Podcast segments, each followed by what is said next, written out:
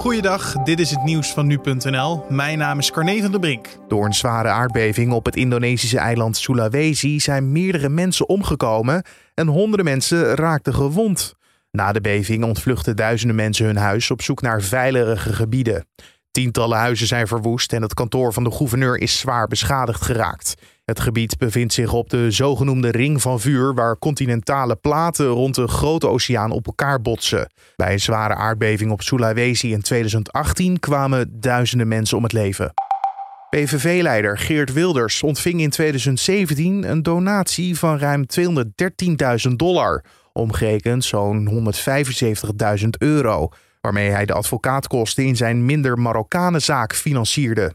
Dit bedrag gaf hij alleen niet op in het geschenkenregister van de Tweede Kamer, terwijl hij dat wel had moeten doen, zo meldt onderzoeksplatform Follow the Money.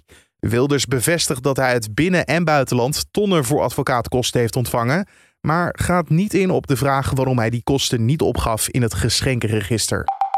De toekomstige president van Amerika, Joe Biden, heeft een coronasteunpakket aangekondigd van bijna 2 biljoen dollar. Dat is omgerekend ruim 1500 miljard euro. I'd like to talk to you about our way forward. A two-step plan of rescue and recovery. A two-step plan to build a bridge to the other side of the crisis we face to a better, stronger, more secure America. Het overgrote deel van het steunpakket is direct bedoeld voor de burger. Dat geld wordt gebruikt om de corona-uitkeringen en het minimumloon te verhogen. Daarnaast gaat een deel naar het ondersteunen van kleine bedrijven en lokale overheden die hard zijn getroffen. Biden wil het steunpakket na zijn inauguratie zo snel mogelijk laten goedkeuren door het congres. Vanwege de meerderheid van de Democraten in het congres is de verwachting dat het plan ook groen licht zal krijgen.